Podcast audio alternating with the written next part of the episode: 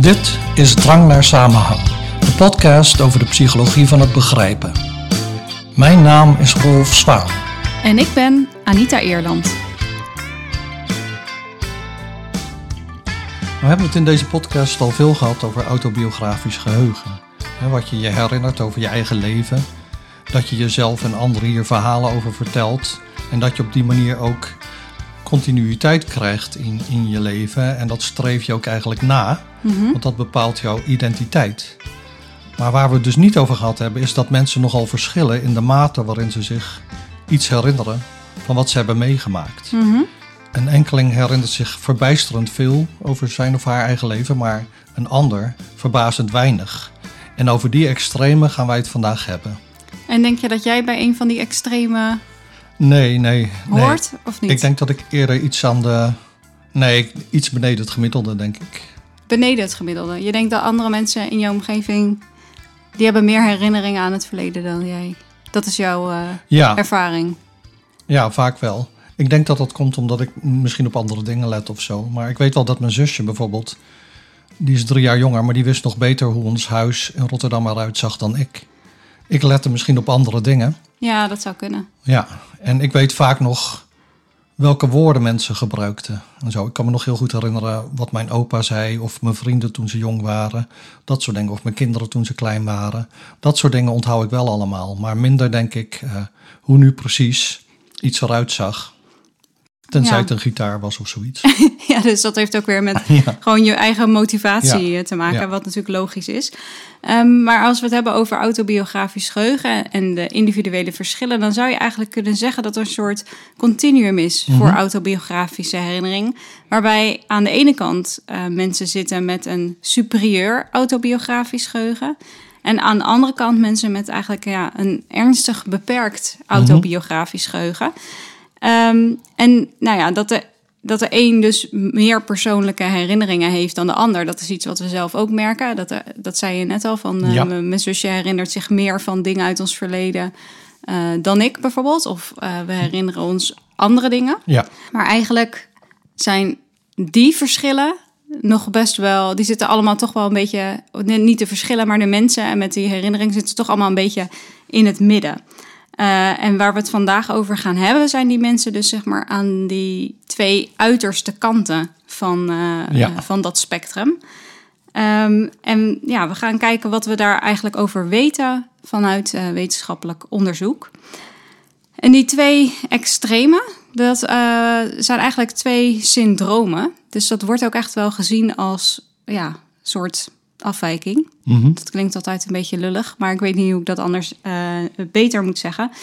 Ehm, mensen met een superieur autobiografisch geheugen, die kunnen zich dus ontzettend veel herinneren. En hun herinneringen zijn ook heel erg gedetailleerd. Dus echt alsof ze het als het ware weer opnieuw eh, beleven. Zo eh, levendig kunnen ze zich dat voor de geest halen. En aan de andere kant, dus mensen met zo'n ernstig beperkt autobiografisch geheugen, die kunnen juist geen levendige herinneringen ophalen. Ehm, en wat wel interessant is, is dat voor beide groepen geldt dat, dat ze geen andere cognitieve beperking hebben. Dus het is niet zo dat ze.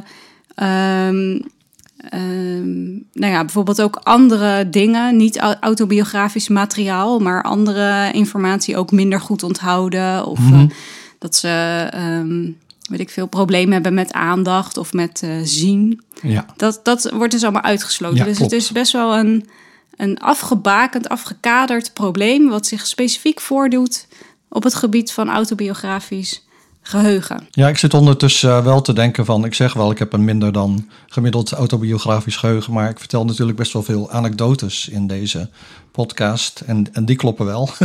dus het is niet zo dat ik me niks herinner. En ehm, Nee, je zit ook niet helemaal aan die uiterste kant Nee, natuurlijk. nee, nee. Hè? En er is nog steeds best wel veel variatie ook in het midden. tuurlijk, tuurlijk. En eh, bovendien heb ik nooit een test gedaan, dus ik heb geen idee of dat zo is. Maar ik weet wel vaak dat mensen dan zeggen, weet je dat niet meer? Gisteren nog mijn moeder, toen ons huis hier verbouwd werd in Zeist, ja. toen wist zij nog dat er de aannemer een dochtertje bij zich had en dat speelde met paardjes. En nu ze het vertelde, wist ik dat weer, maar dat was ik dus eigenlijk helemaal vergeten. Ja, maar dat zijn dan dingen waar zij op, op let. Ja, maar dus het, het is ook andersom, want wij kunnen ons ook dingen herinneren die zij dan Ja, niet ja, meer nee, weet. klopt. Dus je, Nee. je let inderdaad ook op andere dingen. Ja, dat is het vaak. Dat merk ik aan, aan mezelf in ieder geval. Ik let vaak op andere dingen dan andere mensen. Of soms ben ik in gedachten verzonken, dus dan mis ik een, eh, een hele conversatie of zoiets. Ehm, maar goed, nu, nu we dus di- dit artikel lazen over autobiografisch geheugen, moest ik denken aan een artikel. Nee, niet een artikel. Een verhaal dat ik eh, heb gelezen toen ik eh, 23 was. En ik weet dat omdat ik altijd in mijn boeken schreef wanneer ik het boek gekocht had. Mhm. En ze dus ook meteen ging lezen dan? Ja, precies. Ik ging ze meteen lezen. En dit was een verhaal van de Argentijnse auteur Jorge Luis Borges. En dat is een verhaal. eh, nou, Borges heeft eigenlijk nooit romans geschreven, maar hij schreef wel gedichten en met name korte verhalen. En daar is hij ook heel bekend om geworden. En ik zou die verhalen zelf niet meeslepend willen noemen, maar ze zijn wel heel erg fantasierijk en ze zetten je aan het denken. En een van die verhalen heeft te maken met geheugen. En ik kon me dat verhaal nog heel goed herinneren. Ik heb het herlezen vanochtend en het heet in, de, in vertaling Het onverbiddelijke geheugen van Funes. En Funes was een eh, jongen van 19 in het verhaal, dus het is fictief. Mhm. Eh, en die woonde in Uruguay en de verteller gaat dan bij hem op bezoek. Hij had hem vijf jaar eerder ook al gezien. Maar in die tussentijd was die jongen van een paard geworpen. En daardoor was hij volledig verlamd geraakt. En hij lag op een veldbed en keek dan eh, naar een spinnenweb de hele dag of een vijgenboom. Of hij lag Ach. in het donker. Maar hij had wel een uitzonderlijk geheugen en waarnemingsvermogen. Hij wist bijvoorbeeld op elk moment van de dag hoe laat het was, zonder op de klok te kijken. En, maar daar moest hij dus nu op teren. Ik zal even een stukje voorlezen, want ik vind dat Borges dat wel mooi beschrijft. Dus ik moet even zoeken. Oh ja. Wij zien in één oogopslag drie glazen op tafel. Funes alle uitlopers, takken en vruchten die aan een liaan zitten.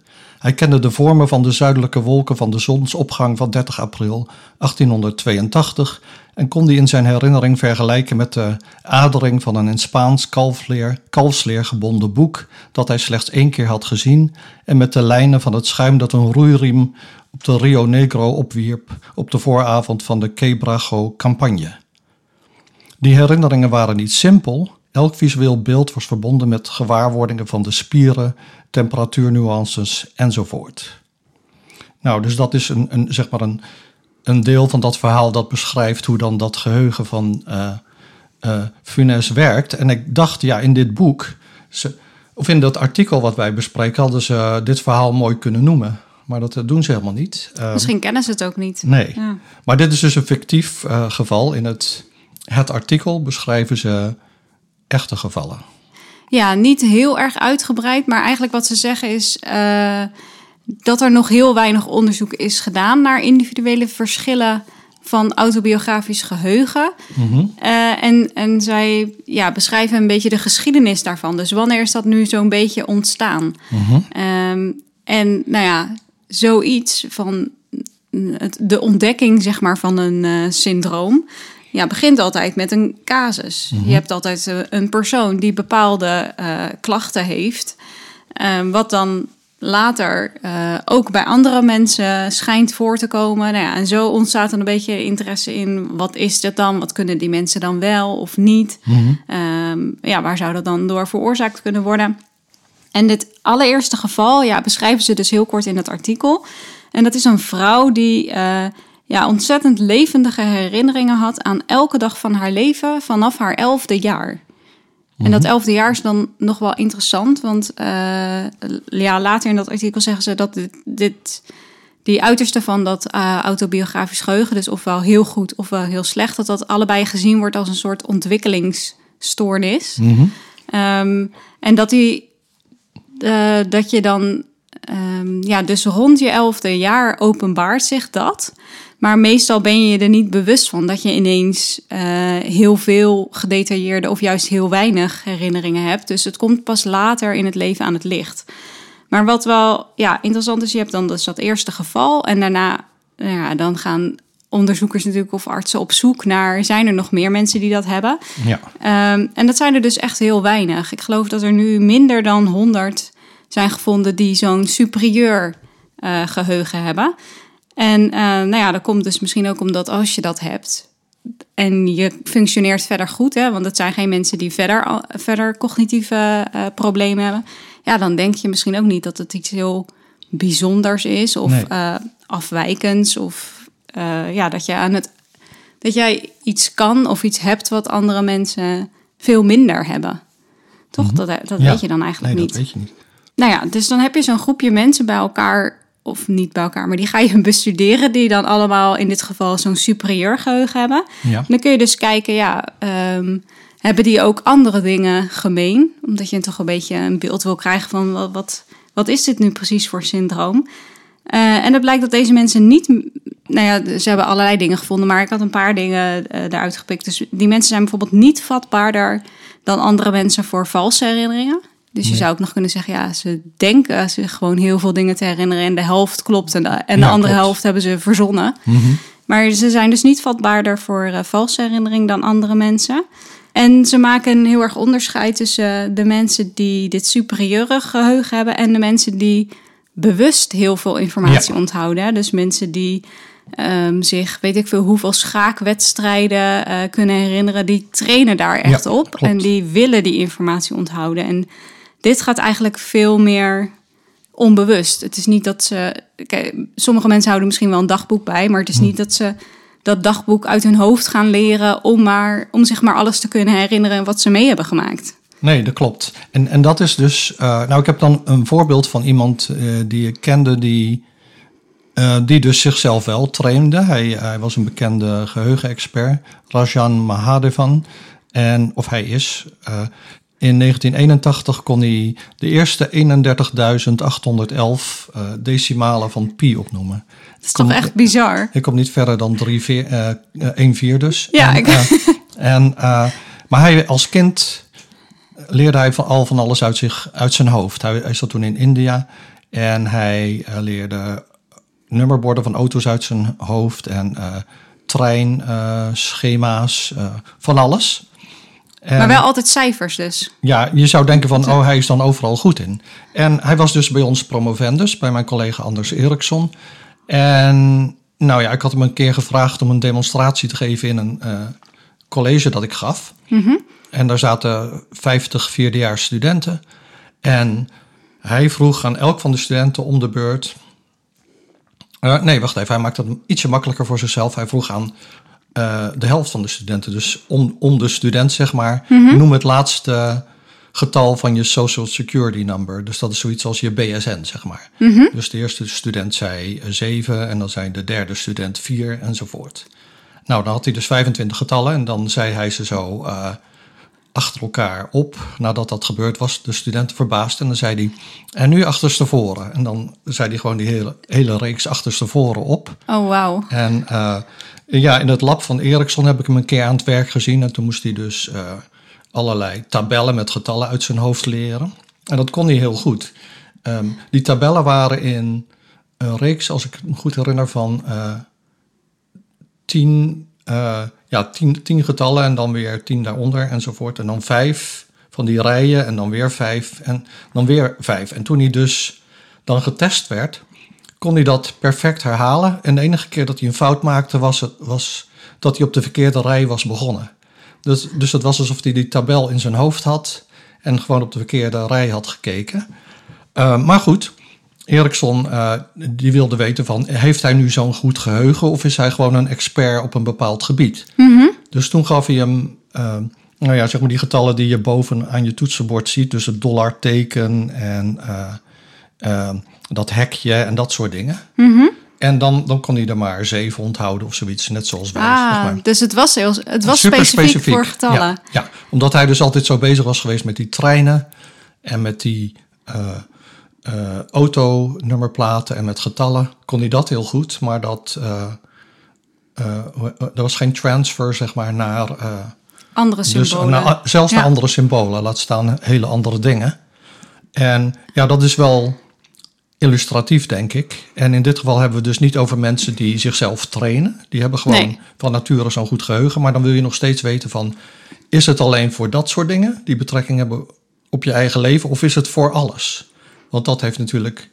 Uh, dat is relevant als je wil verklaren hoe het nu komt. Hè, dat ze zoiets hebben.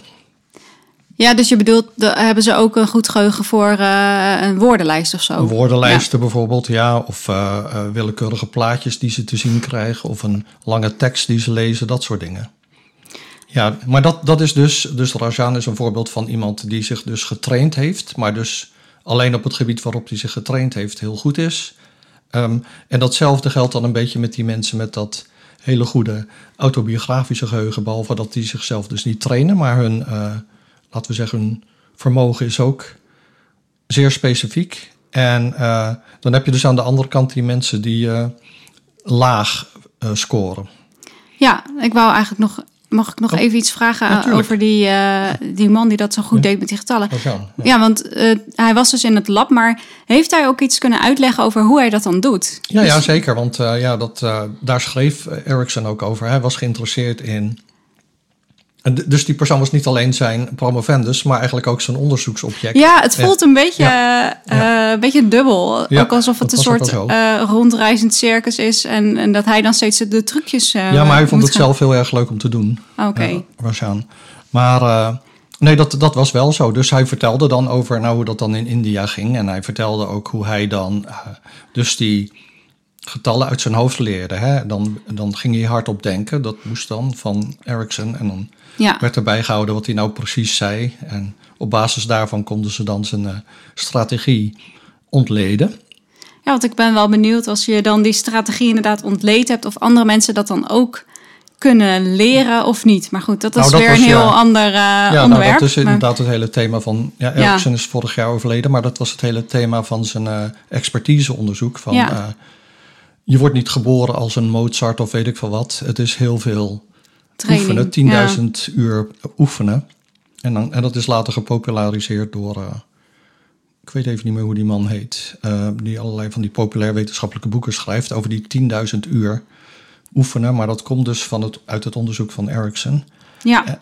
Uh, maar ja, het, het, punt daarvan is dus eigenlijk, als je heel veel oefent, kun je heel goed in iets worden, maar het wil niet zeggen dat je dan ook goed bent in dingen die erop lijken. Nee, en dat is inderdaad, oh, nu zal ik ja. wel weer even een bruggetje maken uh, terug naar waar we het over hadden. Um, want die mensen met een heel goed, of inderdaad aan de andere kant, daar hebben we het nog nauwelijks over gehad, maar heel slecht autobiografisch geheugen, die laten zo'n beperking of juist die superioriteit alleen zien op het gebied van autobiografisch geheugen. Ja. Um, en verder functioneren die mensen normaal. Het is ook niet zo dat uh, hun syndroom wordt veroorzaakt door bijvoorbeeld een ziekte of door uh, dat, dat ze een, een, ernstig ongeluk hebben gehad of zo.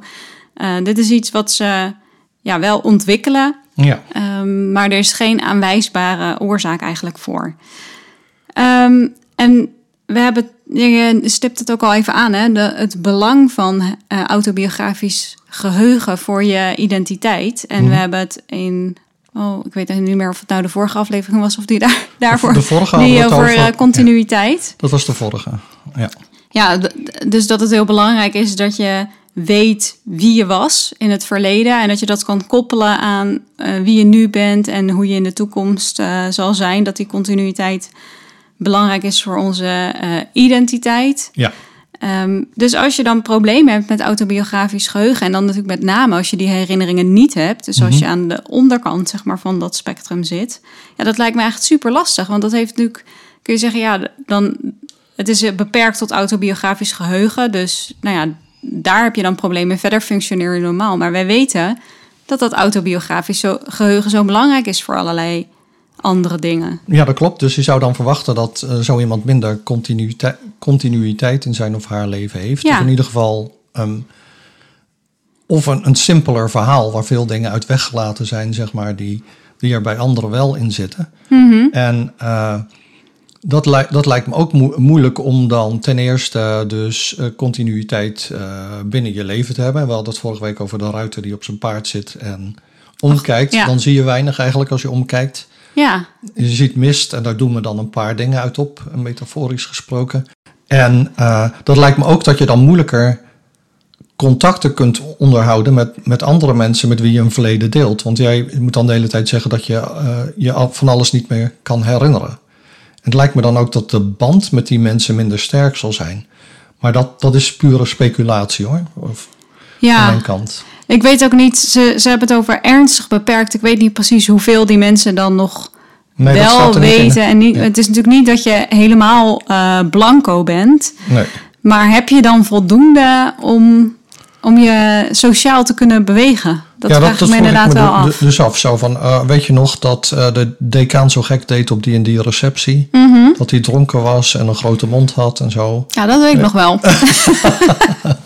Ik hoop niet dat hij luistert naar de podcast, maar dit is meer in algemene zin. Dat Oh is ja, ook niet mijn huidige decaan, zeg ik er even bij. Het is Maar- ook niet eh, de mijne.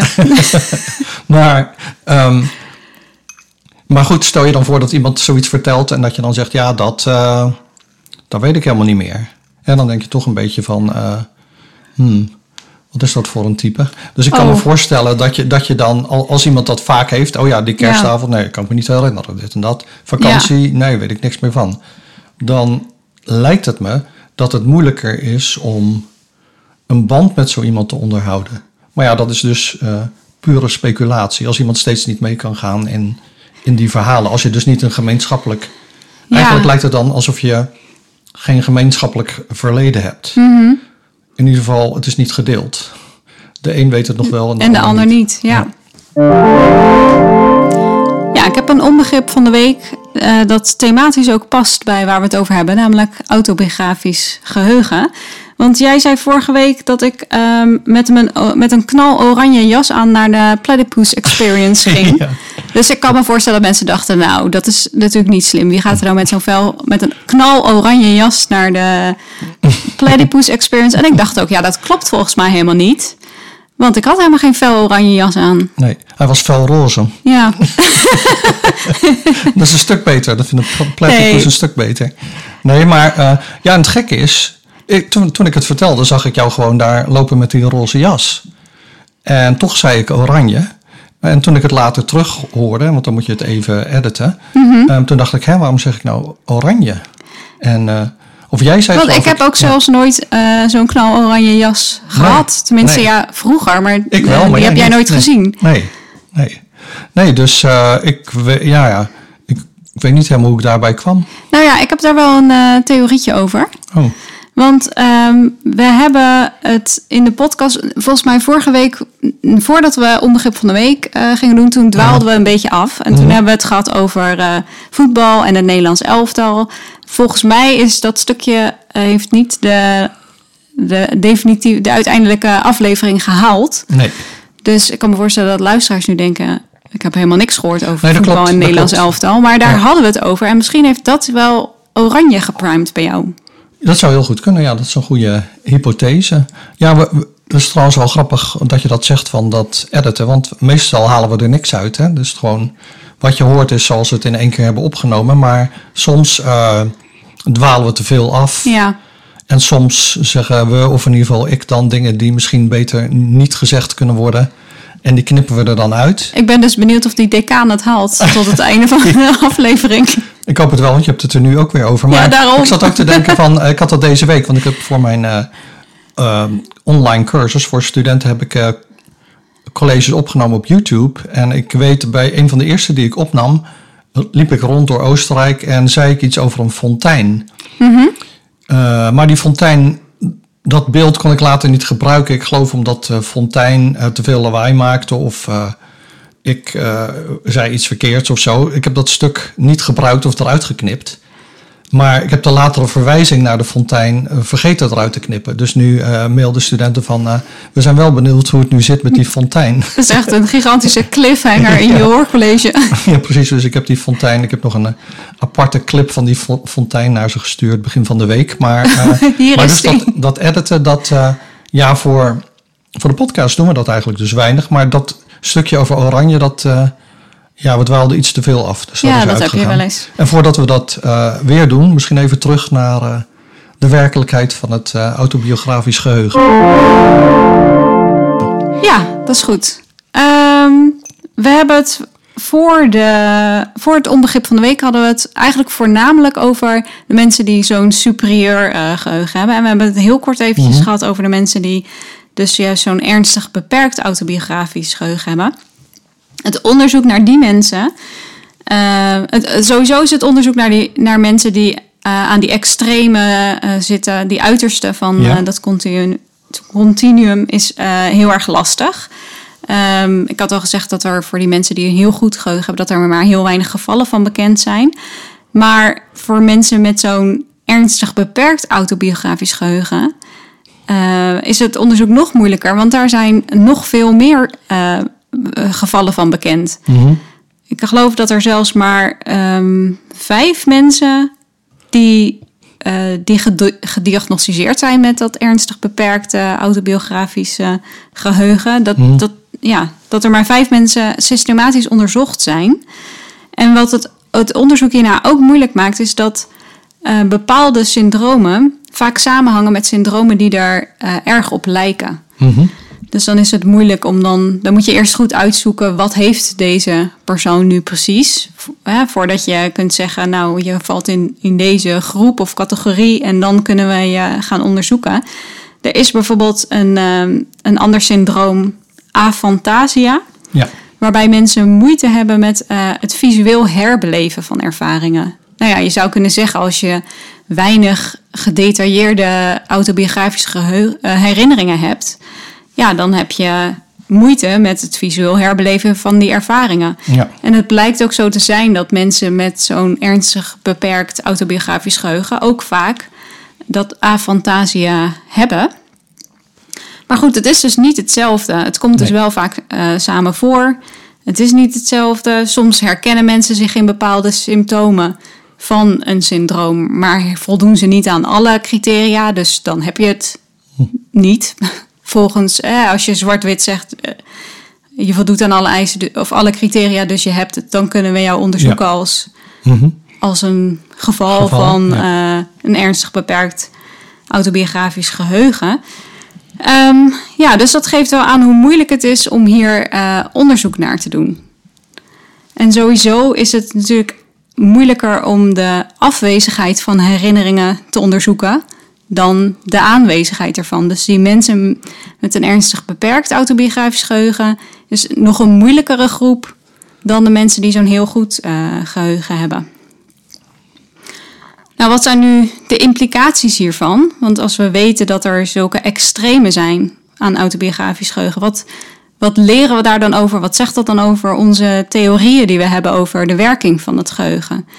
Ehm, beide zouden eigenlijk gezien kunnen worden als een, als een afwijking en zouden dan dus ook negatieve gevolgen moeten hebben. Want als één van de twee beter is, Ja. dan zouden we dat uiteindelijk allemaal hebben. Dus dan zouden we of allemaal een ernstig beperkt geheugen hebben, of juist een eh, superieur geheugen. Dus aan, aan beide kan kanten niet. moeten nadelen zitten. Ja.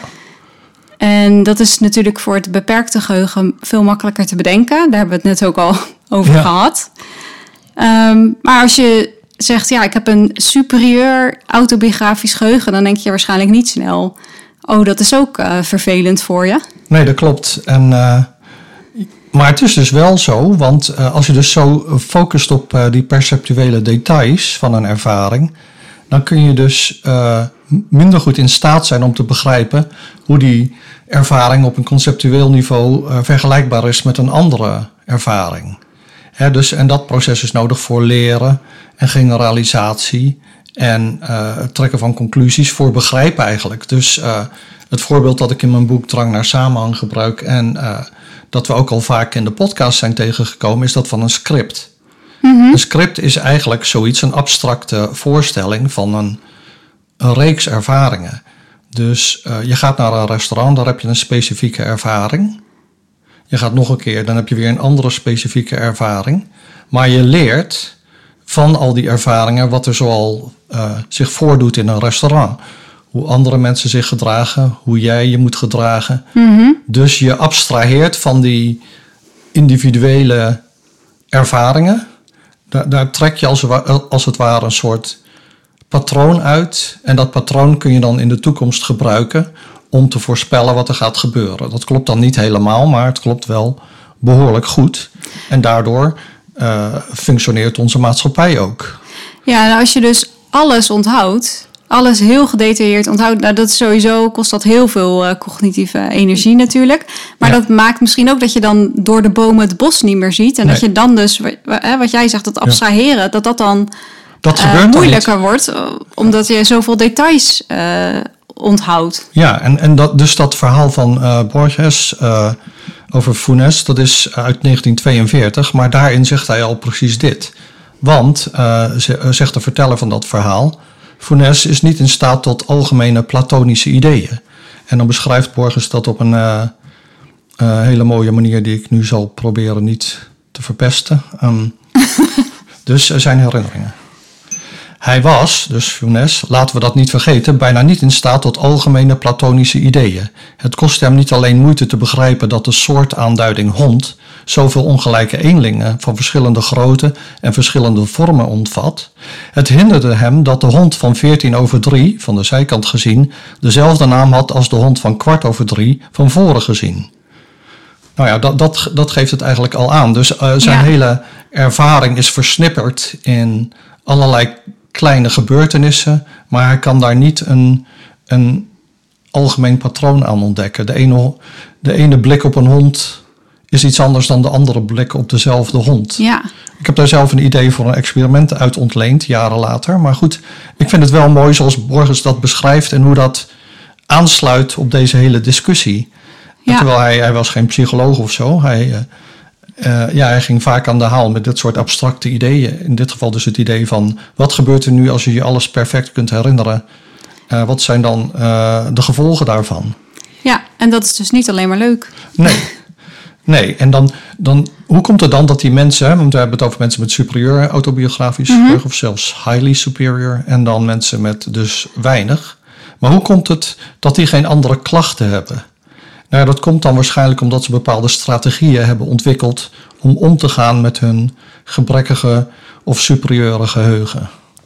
Ja, is als je dat. eh, het is een ontwikkelingsstoornis, dus eh, waarschijnlijk eh, ja, openbaart zich dat zo langzaam aan. En dan kun je inderdaad wel, als je, vooral denk ik als je merkt dat je bepaalde dingen niet meer weet, dan kun je wel bepaalde strategieën inderdaad ontwikkelen om daarmee om te gaan. Ja, ja, dat lijkt me ook wel. En dat moet ook wel, want anders krijg je denk ik wel heel veel andere klachten. We hebben, omdat we weten hoe belangrijk autobiografisch geheugen is, als je dus geen strategie hebt, Mhm. dan denk ik dat je wel eh, tegen allerlei andere problemen aanloopt. Ja, dus ehm, wat we kunnen zeggen is eh, in het verleden, maar ook vandaag de dag nog is er heel veel onderzoek gedaan naar allerlei verschillende cognitieve functies, waaronder ook het geheugen. Maar systematisch onderzoek naar autobiografisch geheugen is eigenlijk nog, ja, nog niet echt van de grond gekomen. En dat komt deels omdat het gewoon heel moeilijk te onderzoeken is.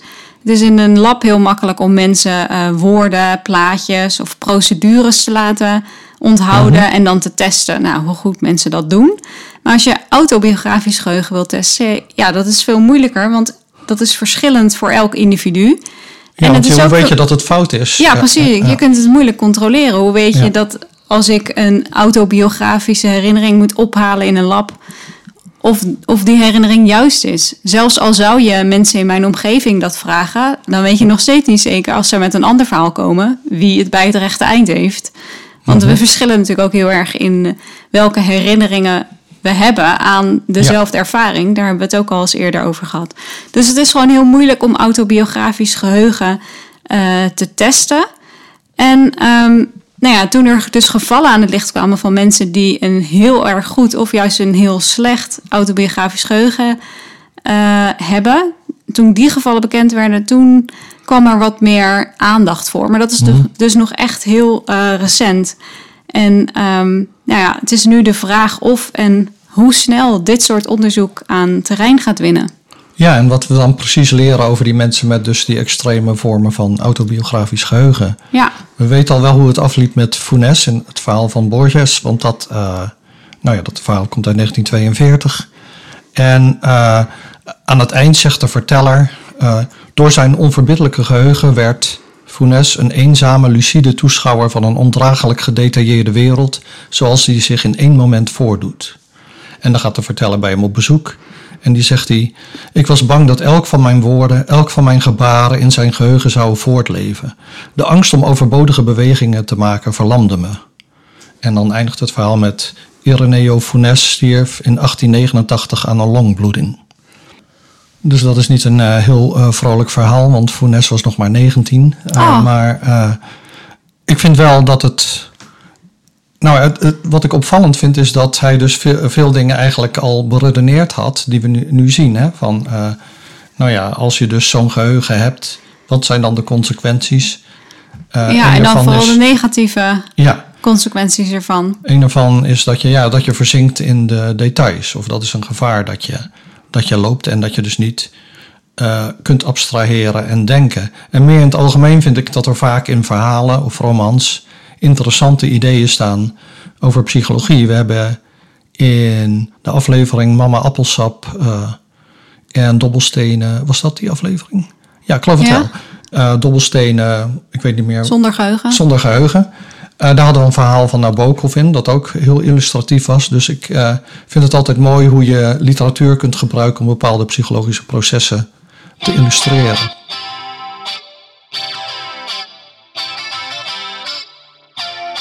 Vond je dit een leuke aflevering? Abonneer je dan. Een beoordeling met 5 sterren helpt andere mensen ook om onze podcast te vinden. Behoefte aan meer drang naar samenhang? Ga dan naar de boekwinkel of bestel het boek online. De hoofdstukken die aansluiten bij deze aflevering vind je in de show notes. Tot de volgende drang.